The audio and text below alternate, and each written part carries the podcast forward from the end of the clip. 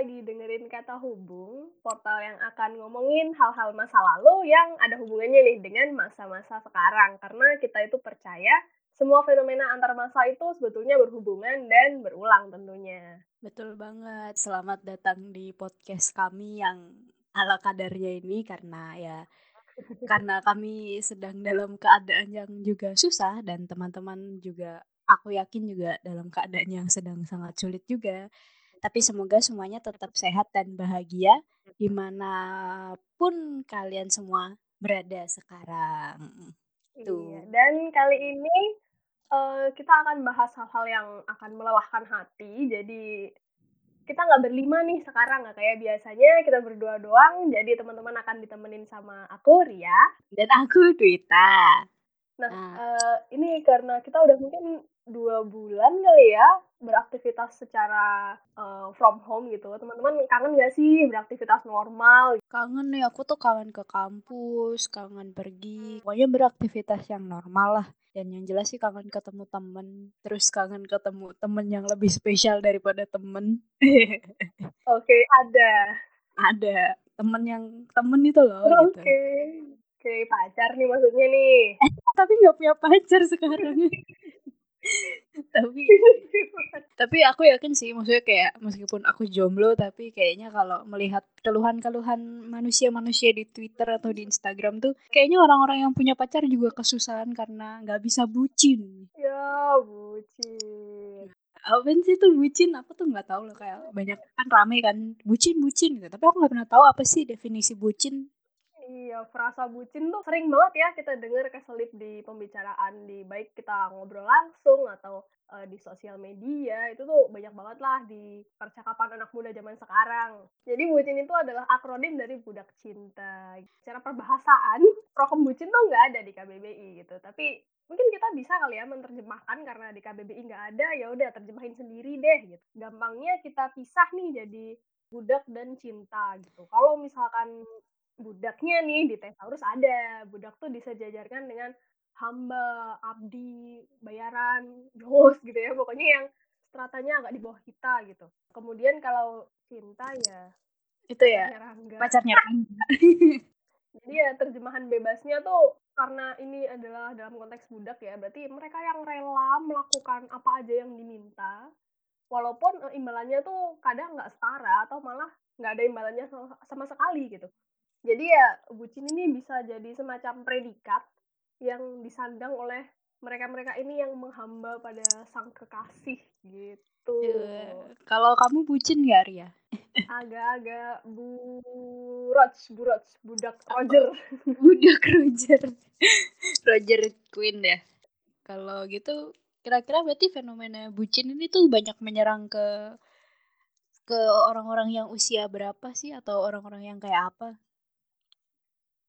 Nah, si fenomena bucin ini tuh menyasar usianya tuh remaja, apalagi yang masih uh, early teenager gitu ya, yang baru-baru merasakan getaran-getaran cinta gitu. Sampai oh. uh, awal 20-an, mungkin kayak kita dan mayoritas mendengar ini 20 awal gitu ya. Jadi hati-hati deh kena serangan bucin gitu. Nah, tapi semacam COVID-19 nih, selayaknya pandemi yang sedang mengungkung kita ini, uh, bucin tuh juga ada gejala-gejalanya yang bisa kita kenali. Nah, uh, gejalanya ini kita bisa bedakan lah ya jadi beberapa level. Tapi yang jelas kamu berpotensi bucin jika satu, kamu punya pasangan. Aku nggak punya pasangan tuh. Ya berarti nggak bakal kena ini ya, nggak bakal kena serangan bucin. Uh, Jadi kalau misalkan teman-teman punya pasangan, mungkin yang udah married ya, suami atau istri atau ya yang hampir-hampir merit, EKE tunangan atau pacar atau ya pahit-pahitnya masih dalam tahap gebetan lah. Hati-hati deh tuh. Kalau nggak punya semua gimana nih? Berarti nggak bisa kena penyakit bucin ya? Syukurlah. Penyakit jomblo ya biasanya ya kalau nggak punya pasangan ya. Nah, kemudian setelah kamu itu punya pasangan, kamu akan berpotensi bucin jika yang kedua, kamu cinta sama pasanganmu. Jelas. Kalau nggak cinta berarti nggak jadi bucin. Budak doang. sebenarnya kan bucin nih kan berarti kita kita bisa terminologikan bucin tuh kayak penyakit gitu ya berarti kan ya. Hmm. Nah, kalau penyakit itu kan pasti punya gejala tuh kayak misalkan orang sakit mah tuh kan ada gejalanya kayak perutnya perih. Kalau bucin ada nggak gejalanya? Iya, kalau bucin gejalanya nih, yang pertama kita tuh punya keinginan kuat untuk nempel terus sama pasangan gitu. Kayaknya nggak bisa gitu kalau sehari nggak nempel. Makanya eh, di masa-masa sulit kayak gini, di masa pandemi gini, bucin-bucin ini adalah strata masyarakat yang paling nelangsa karena terpaksa LDR. Aduh terdampak ya korban terdampak paling berat gitu karena aduh craving for love Iya, gitu. terus terus Gitu. terus. Nah, kemudian eh, yang kedua nih bisa kelihatan gejalanya track record quality time dengan teman-teman tuh kok menurun kurvanya gitu. Biasanya misalkan eh, seminggu tuh adalah 3 sampai 4 kali. Kok sekarang kayak jarang gitu karena sama pasangan terus. Itu kalau di tongkrongan biasanya suka diomongin tuh, eh tuh gila tuh si A tuh ya kayak nggak pernah kelihatan batang hidungnya. Iya, dia kan nempel mulu sama pacarnya gitu biasanya. Pengalaman, Pengalaman nih. atau pengalaman yang digosipin ya karena semua orang tuh tahu gitu loh. Duit kayak gimana gitu. Terus terus lanjut lanjut Nah, lanjut. Gejala yang ketiga nih, tiba-tiba pandai merangkai kata-kata indah buat diucapkan ke pasangan nih. Pagi hari diucapin, siang hari diucapin lagi, sore hari, malam hari gitu. Tiba-tiba jago gombal kayak Dilan. Oh my god, kayak Dilan. Berarti itu ya kayak Dilan tuh kan suka bilang itu loh, eh, rindu itu berat Mila ya, biar aku saja gitu. Terus terus terus. Nah, kemudian nih eh, gejala selanjutnya teman-teman mungkin bisa lirik dompet, kira-kira menipis atau enggak. Karena biasanya tuh eh, teman-teman yang punya gejala bucin tuh dompetnya cenderung menipis. Padahal juga kayaknya nggak habis beli barang ya. Kayaknya aku nggak habis beli baju baru atau mungkin nggak habis beli tas baru, tapi dompetnya menipis gitu. Ternyata yang dibeli adalah senyuman pasangan. Kenapa kok bisa beli senyuman pasangan? Ya, kita bersedia mengeluarkan berapapun gitu ya untuk senyuman pasangan setelah dibayarin makan atau setelah kita beliin pakaian gitu atau setelah kita beliin lipstick gitu kan seneng gitu ya jadi udahlah keluar duit yang banyak yang penting pasangan happy gitu Ini kira-kira kalau mau membuat Dwita dan Ria happy juga bisa loh kalau mau beliin lipstick, beliin baju, ngajakin makan. Bisa DM di Instagram eh, kata hubung.id nanti kami sambungkan ya. Loh, ya, kok kami sambungkan? referensi warna lipstick dan ukuran baju ya Iya, betul banget. Terus terus ada apa lagi tuh setelah dompet yang menipis ini? nah kemudian gejala terakhir adalah yang udah level akut level bucin yang memabukkan itu adalah teman-teman mulai kehilangan akal sehat ini udah masuk Waduh. kritis lah ibaratnya ya kalau penyakit tuh teman-teman mungkin udah nggak bisa lagi nih ngitung 1 sampai 10 saking mabuknya dan kalau nanti akan ditanya sama pasangan nih kamu mau terjun dari gedung nggak? Udah nggak jawab kayak hah ngapain? Hah nggak mau lah. Jawabannya adalah dari lantai berapa? Aduh, pengalaman pribadi nih kayaknya nih Kak Ria nih. Oh ya, for your information aja ya kalau misalkan kalian tuh penasaran kira-kira kalian tuh bucin level apa gitu kan. Kalian tuh bisa banget loh eh, mampir ke Instagramnya katahubung.id karena kita tuh sebetulnya kita tuh sebetulnya punya alat tes yang kita buat sendiri sih. Itu nya adalah bingo bucin yang bisa kalian akses di highlightnya Nah itu kalau menurut Bingo Bucin tuh aku termasuk bucin level uh, middle itu. Intermediate gitu lah. bingo berapa mbak Bingo, bingo dua. Gila. Iya. Jadi teman-teman bisa rapid test ya lewat uh, bingonya kita dan jangan lupa nanti kalau misalkan main bingo jangan lupa tag kita ya kata hubung.id. Iya. Betul, kalau bisa sih tag ke tiga teman sekalian ya biar terkenal aja mau pansos. Nah, tapi uh, karena kita udah ngomongin beberapa definisi dan gejalanya bucin nih, tapi berarti apakah uh, semua orang yang punya pasangan dan mencintai pasangannya itu disebut bucin? Uh, manusia dari zaman purba dulu juga bucin nggak sih? Ya, kalau ini sih menurutku jawabannya iya ya, karena itu sudah merupakan kebutuhan dasar manusia untuk mencintai orang lain. Jadi mungkin memang kita bisa tuh loh ngelacak bukti-bukti bucin dari masa ke masa. Ya dan itu mungkin bisa dibuktikan dengan beberapa temuan arkeologis ya. Begitu terus temuannya apa nih? Nah itu ya, jadi waktu zaman perunggu kira-kira 3000 tahun yang lalu itu pernah ditemukan dua fosil di daerah Ukraina Barat di desa yang bernama Petrikif Village. Nah, kedua manusia yang ditemukan ini diduga merupakan bagian dari kultur Yosko yang berkembang di era zaman perunggu. Oh, gimana tuh kondisi temuannya? Nah, menurut dokter Bandrivsky yang merupakan direktur dari semacam Puslit Arkenas atau Pusat Penelitian Arkeologi Nasional di Ukraina, posisi kerangka yang ditemukan ini tuh menarik banget soalnya mereka tuh posisinya kayak berpelukan gitu. Nanti kalau teman-teman mau lihat tuh referensinya bisa dicek di Instagram kami ya di highlight. Jadi posisinya tuh bener-bener yang perempuan tuh memeluk yang laki-laki gitu dan posisi itu jelas banget nggak mungkin dilakukan saat mereka tuh udah menjadi rangka Oke, berarti bukan bukan settingan orang gitu ya, dua orang mayat meninggal kemudian dibentuk-bentuk badannya sedemikian rupa gitu. Bukan, jadi memang bener-bener posisinya tuh dari awal mereka meninggal tuh memang posisinya sudah berpelukan gitu. Wow, mesra banget nggak sih? Terus terus itu namanya tuh asumsinya dari dokter Bendrivsky. Nah, asumsinya itu kemungkinan si perempuan itu memutuskan buat bunuh diri dengan minum racun dan itu tuh dilakukan untuk menemani si pasangan laki-lakinya yang sudah terlebih dahulu meninggal. Sedih ya? Sedih banget. Tilda dua spot agak-agak kayak Romeo and Juliet gitu ya. Setia sampai mati lah pokoknya. Nah itu kan tadi tuh kita udah mampir ke Ukraina nih Gila kan kalau sama kata hubung tuh jalan-jalannya jauh sampai Ukraina Nah, kalau misalkan di Ukraina tadi kan ceritanya kayak gitu.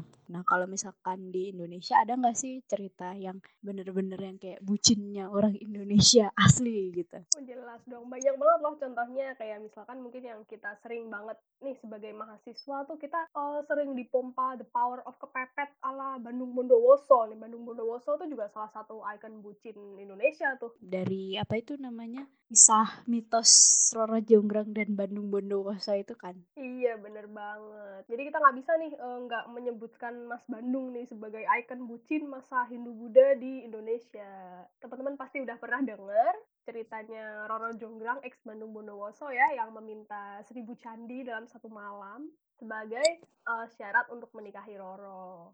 Dan kemudian akhirnya juga dilakukan ya walaupun ternyata gagal gitu. Makanya menurut kita ada nih satu lagi tokoh yang lebih bucin lagi sebetulnya mungkin teman-teman uh, ada yang pernah mendengar tentang Candi Plausan yang ada di Jogja? Nggak jauh kok dari Prambanan. Pernah pernah. Kenapa kok bisa si eh, si Plausan ini adalah lambang bucin nih kira-kira gimana? Oke, rumornya sih katanya Candi Plausan nih dibangun sebagai wujud cinta, sih level bucin yang tinggi banget nggak tuh? Cinta dari seorang raja yang namanya Rakai Pikatan untuk istrinya Pramodawardhani. Wow, menarik ya, banget bukan, gak sih? Bukan syarat syarat nikah semata nih, bukan syarat sebetulnya, tapi dibikinin aja karena aku tuh cinta gitu. Kalau tadi tuh menurutku ya kenapa si Roro Jonggrang sama Bandung Bondowoso tuh nggak bisa bersatu itu tuh sebenarnya karena Bandung Bondowoso bersekutu sama jin, jadi nggak berkah gitu. Ya, berkahnya semacam. bersekutu sama siapa? Nah, harusnya bersekutu sama Tuhan yang Maha Esa. Oh. Nanti pasti dapet cintanya gitu. Fakta lain lagi nih yang menarik, uh, Rakai Pikatan dan Pramodawardhani itu sebetulnya adalah pasangan beda agama. Tuh, Tuhan memang wow. satu, kita tidak sama. Wow. Nah, makanya uh, di arkeologi ini kadang banyak ya berkembang interpretasi bahwa Plausan itu bukan cuma perwujudan cinta, tapi juga perwujudan dari keharmonisan gitu. Tapi itu interpretasi kami-kami aja dan uh, mungkin kalau misalkan teman-teman pergi ke candi dengan tour guide itu pasti sering deh dengerin cerita-cerita seperti ini. Betul banget. Nah, tapi kita moving on dari ikon masa Hindu dan Buddha nih ya, yang mana uh, pernikahan tuh pada waktu itu sering kali dilihat sebagai alat politik nih daripada tanda cinta seperti ya perspektif kita di era milenial ini ya gitu. Karena kan siapa sih yang nggak pengen jadi selir atau alhamdulillahnya jadi permaisuri gitu kan. Iya karena kan itu selain menjadi per, jadi selir dan permaisuri itu bisa meningkatkan status sosial dan mungkin meningkatkan meningkatkan derajat mereka di mata masyarakat gitu loh. Dan, ya, dan derajat keluarga juga bisa naik ya dengan ya, status itu. Mm-mm, betul banget. Nah, uh, tapi kemudian kita beralih nih ke setelah Hindu Buddha gitu. Gimana sih cara masyarakat pasca Hindu Buddha mengungkapkan dan mengekspresikan cintanya gitu. Gimana nih Mbak Duita? Nah, sebetulnya kayak seperti yang pertama kita bilang tadi ya, kalau bucin itu adalah sifat dasar manusia gitu ya. Intinya Hmm. kayak manusia tuh selalu butuh cinta. Jadi contohnya itu ada di Aceh. Oke, gimana tuh? Nah, pada abad ke-16 itu Aceh tuh kan lagi jaya-jayanya ya Hmm. di bawah pemerintahan Sultan Iskandar Muda. Pokoknya lagi hits banget lah Aceh. Nah, Sultan Iskandar Muda itu mengekspansi wilayah-wilayahnya itu tentu saja mungkin uh, semacam melalui perang atau melalui penaklukan ya mungkin negosiasi tentu saja pasti dapat terampasan perang dong ya misalkan kayak harta benda uang emas gitu kan nah yang menarik itu kadang rampasan perang itu nggak cuma berupa harta tapi juga berupa manusia okay. yang daerah yang sudah ditaklukkan tuh memberikan ya mungkin biasanya putrinya sih untuk dinikahkan dengan raja terus Sultan gitu. Iskandar Muda dapat siapa nih Nah, Sultan Iskandar Muda itu waktu itu membawa seorang putri dari Pahang yang dibawa ke Banda Aceh. Nah, putri itu biasa dikenal sebagai Putro Pang. Semoga nggak salah sebut ya, correct me if I'm wrong ya, kalau ini lidahnya agak keseleo gitu kadang. Nah, tentu saja sebagai rampasan perang tuh kan ya, maksudnya kayak dipaksa pindah dari rumahnya ke negeri rantau yang entah berantah. Tentu saja pasti homesick seperti mana masyarakat-masyarakat rantau pada umumnya ya, mahasiswa-mahasiswa tuh kan pasti kalau seminggu di kota barunya tuh homesick gitu kan. Nah, si Putropang ini juga homesick. Nah, untuk mengobati rindu yang berat itu biar aku saja tadi itu Sultan Iskandar Muda itu membangun sebuah monumen yang bernama Gunungan. Gunungan ini tuh dibangun menyerupai lingkungan Pahang yang berbukit-bukit. Jadi kalau misalkan si Putropang ini rindu sama rumahnya dia tinggal ngeliat monumen itu terus kayak oh, wow. iya gitu. Uh mesra banget gak sih? Pengen deh aku tuh ada yang bikinin itu monumen gitu monumen pers. Mau dibikinin monumen serupa yang di rumah gitu sama. Monumen rumah Solo waduh. Terus uh, selain Sultan Iskandar Muda nih uh, ada lagi ya sih ya sebetulnya tuh tentu saja bucin tuh nggak cuma di Aceh tapi juga ada di daerah Jawa di pulau tercinta ini siapa tuh ikon bucinnya jadi ada dua icon. Yang pertama itu adalah Ratu Kalinyamat. Oke. Okay. Wow. Nah, ceritanya Ratu Kalinyamat yang berasal dari Jepara itu tuh sebenarnya tuh cinta banget tuh sama suaminya yang namanya Pangeran Hadirin. Bener-bener yang kayak cinta mati gitu. Lagunya siapa sih tuh? Cinta Bukan mati. Jamila bukan sih? Ya boleh lah didengerin, didengerin sambil dengerin cerita ini Ratu Kalinyamat oh, ya. Terus gimana kelanjutannya? Nah, tapi Pangeran Hadirin itu dibunuh sama seorang tokoh yang namanya Oh Arya Penangsang. Nah, karena suaminya yang sangat dicintainya tuh dibunuh, dia kan jadi gundah gulana merana ingin mati gitu loh Hmm, ibaratnya. Banget ya. Eh, kayak lagunya Tuh NDXAK. kan. Oke, terus eh, gimana nih reaksinya Ratu Kalinyamat nih belahan jiwanya dibunuh oleh Arya Panangsang? Nah, terus setelah mengetahui bahwa si Pangeran Hadirin itu dibunuh oleh Arya Penangsang, dia kemudian bertapa telanjang tanpa ditutupi apa pun selain Wow. rambutnya. Dia bikin sebuah apa ya semacam sebuah perjanjian gitu.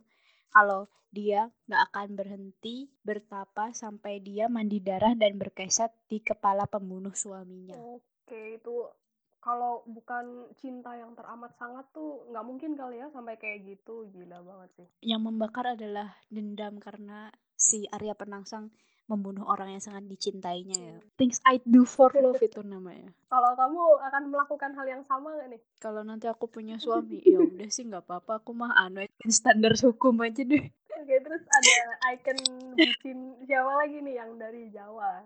Nah, tapi the biggest bucin in the gang di Jawa itu adalah tetap raja yang paling ikonik dalam sejarah Wah, Jawa. siapa tuh Wah. siapa? Iya, siapa lagi kalau bukan Susuhunan Amangkurat satu. Wow, Seberapa bucin dia? Susunan Amangkurat satu ini sebetulnya punya banyak selir. Tapi Susunan Amangkurat satu ini sebetulnya tuh cinta matinya tuh sama seorang permaisuri yang namanya adalah Ratu Oke, Malang. Love of my life gitu. Iya, kayak lagunya Queen Lagi-lagi dong. kita balik lagi ke Mas Roger karena saya bucin Roger. Eh, jadi sebetulnya itu kenapa kok Amangkurat tuh bisa bucin banget sama Ratu Malang itu mungkin karena eh, Ratu Malang ini digambarkan sebagai wanita yang sangat cantik dan anggun dan padahal waktu itu waktu mereka waktu Amangkurat satu ini jatuh cinta Ratu Malang itu punya suami yang bernama Kiai Dalem. Dan Kiai Dalem itu uh, pekerjaannya adalah seorang dalang. Uh, kalau mau tahu ceritanya bisa cek ini sekalian promosi ya di YouTube-nya Kisah Tanah Jawi. Eh, bukan sponsor ya ini kita uh, mungkin kalau teman-teman mau cari referensi itu bisa lihat di kisah tanah Jawi di makam Ratu Malang namanya. Nah untuk mendapatkan hatinya Ratu Malang dia uh, Amangkurat satu itu dipercaya membunuh Kiai Dalem dengan cara mengundang dia si Kiai Dalem ini untuk bermain wayang ke istana terus diracun dengan jadi kan kalau orang main wayang tuh ada yang main gamelan gitu pokoknya semua orang yang itu diracun sama kiai sama wow. Amangkurat satu ini ceritanya menurut penuturan orang yang menjaga makam Ratu Malang. Makam makamnya Ratu Malang ada di Pleret. Mungkin teman-teman kalau mau ke sana untuk mendapatkan feelnya. Terus akhirnya Amangkurat satu berhasil menikahi Ratu Malang. Nah tapi Ratu Malang itu sangat dicintai oleh Amangkurat satu Pokoknya Amangkurat satu tuh memberikan perlakuan istimewa ke Ratu Malang. Nah, itu memicu kecemburuan dari selir-selirnya Amangkurat satu yang oh, jumlahnya sangat banyak itu tadi. Jelas seperti drama-drama kolosal pada umumnya. Selir-selir ini mereka tuh bersekongkol untuk membunuh Ratu Malang dengan cara oh diracun. Agak-agak sadis. Iya, dan Amangkurat tuh begitu mengetahui si istrinya mati dibunuh, hatinya sangat terpukul. Waduh, terus mm -mm. gimana tuh uh, Amangkurat tuh melihat istrinya yang dicintai diracun dayang-dayang? Nah, jadi kan waktu benar-benar mengetahui kematiannya Ratu Malang, hatinya tuh benar-benar terpukul sampai dia pokoknya dia nggak mau berpisah sama Ratu Malang dia nggak ngebolehin orang-orang untuk hmm. menutup makamnya Ratu Malang kayak dia stay di sana terus gitu nungguin Ratu Malang karena dia tuh cinta banget sama Ratu Malang. Tapi uh, kemudian nggak dimakamkan tuh Ratu Malangnya. Tapi terus kemudian uh, sampai pada suatu malam Amangkurat satu bermimpi kalau ia melihat Ratu Malang tuh ketemu lagi sama suaminya yang, yang lama yang namanya Kiai ya? Dalem tadi dan terus waktu dia bangun dia melihat kalau jenazahnya Ratu Malang tuh udah sudah tidak berbentuk seperti manusia lagi ya karena udah lama nggak mungkin lama nggak ditutup kan. Jadi dia melihat itu akhirnya dia seperti mendapat firasat oke okay, mungkin ini sudah saat yang tepat untuk melepaskan orang yang sangat kucintai ini. Dan akhirnya dia menyuruh bawahannya untuk menutup liang lahat itu yang mana liang lahatnya itu ada di sebelah makam Kiai Dalem. jadi satu jadi kompleks gitu. dekat sama suaminya yang pertama ya. Iya, betul banget. Jadi teman-teman bisa tuh ya ke Pleret nanti naik bukit dikit. Nah, atau nanti terus bisa ketemu bisa lihat uh, si kompleks pemakamannya. Nah, itu tadi kan kita kan udah bahas era kerajaannya. Tadi ada Aceh dengan si Putropang tadi sama terus ada iya, Amangkurat satu yang bucin mampus tadi sama siapa tadi satu sama lagi? Ratu Kali Nyamat. Sama Ratu Kali Nyamat. Nah kalau misalkan kira-kira era yang lebih modern lagi tuh gimana ya? Apakah uh, dadu-dadu perbucinan ini masih terus bergulir?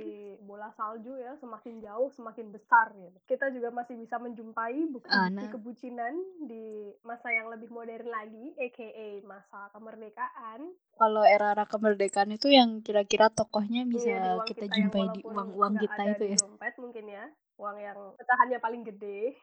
Salah satu contohnya adalah Bung Hatta. Coba dicek di dompet ada nggak? Kalau kaum bucin mungkin kemungkinan nggak ada ya. Nggak ada nih aku nggak bucin juga nggak ada. Gimana dong? Oke jadi uh, Bung Hatta ini dulu kan tempat ini ya belajar di uh, belajar di Belanda ya. Jadi uh, selama masa studinya beliau di Belanda ini beliau adalah tipikal mahasiswa yang sangat ambis tekun getol dan ulet untuk uh, fokus sama studinya dengan baik. Pokoknya aku harus belajar yang rajin supaya jadi modal dasar bagi perjuangan kemerdekaan Indonesia gitu. Jadi ini awalnya beliau ini bucinnya sama negara, gitu. mencintai negaranya dengan sepenuh jiwa raga. Ya patriotis oh, banget. Level tertinggi. Pokoknya selama Indonesia belum merdeka, saya nggak akan nikah karena kan biar fokus ya, Bu. Mm -mm, demi kemerdekaan fokus kalian, kalian ini. negara. Wow. Nah, Kemudian kan alhamdulillah wa Terus terus terus? Indonesia merdeka pada 17 Agustus 1945. Jadi beliau nih akhirnya, "Oh oke, sudah waktunya saya menikah."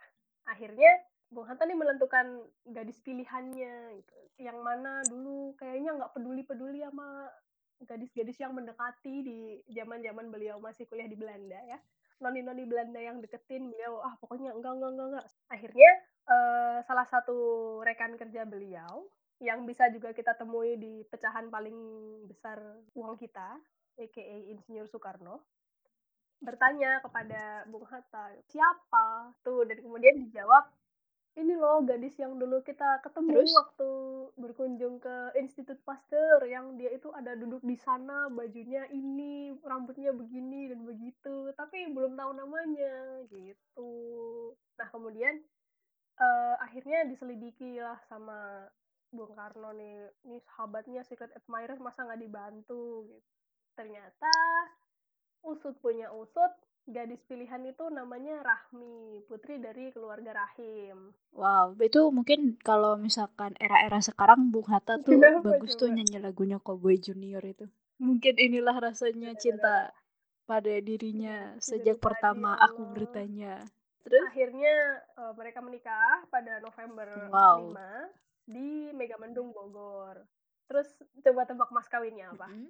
Apa nih kalau misalkan Bung Hatta yang orangnya tadi serius Iya, banget, mas pasti mas kawinnya juga kayaknya sesuatu ya, yang Dilan. serius nih. Buku yang ditulis oleh Bung Hatta saat beliau dibuang di Digul pada 1934, judulnya Alam Pikiran Yunani. Wow, ya ampun siapa yang mau nulisin aku buku terus dijadiin Oke, yang mas kawin. silahkan nanti DM kata Gak ada ya? ID gitu. Nah, Biar eh, disalurkan. terlepas dari pernikahannya yang wadau dengan apa dengan mas kawin yang wadau juga ini itu tentu di kehidupan terus? sehari-hari pasti juga sering ya menunjukkan sisi romantis ya mungkin nggak beda lah dengan bapak ibu kita di rumah seperti misalnya waktu uh, istrinya sedang melahirkan anak pertama itu Bung Hatta menjenguk di rumah sakit dengan membawakan sandwich buatannya sendiri gitu, ditaruh di tupperware gitu kan.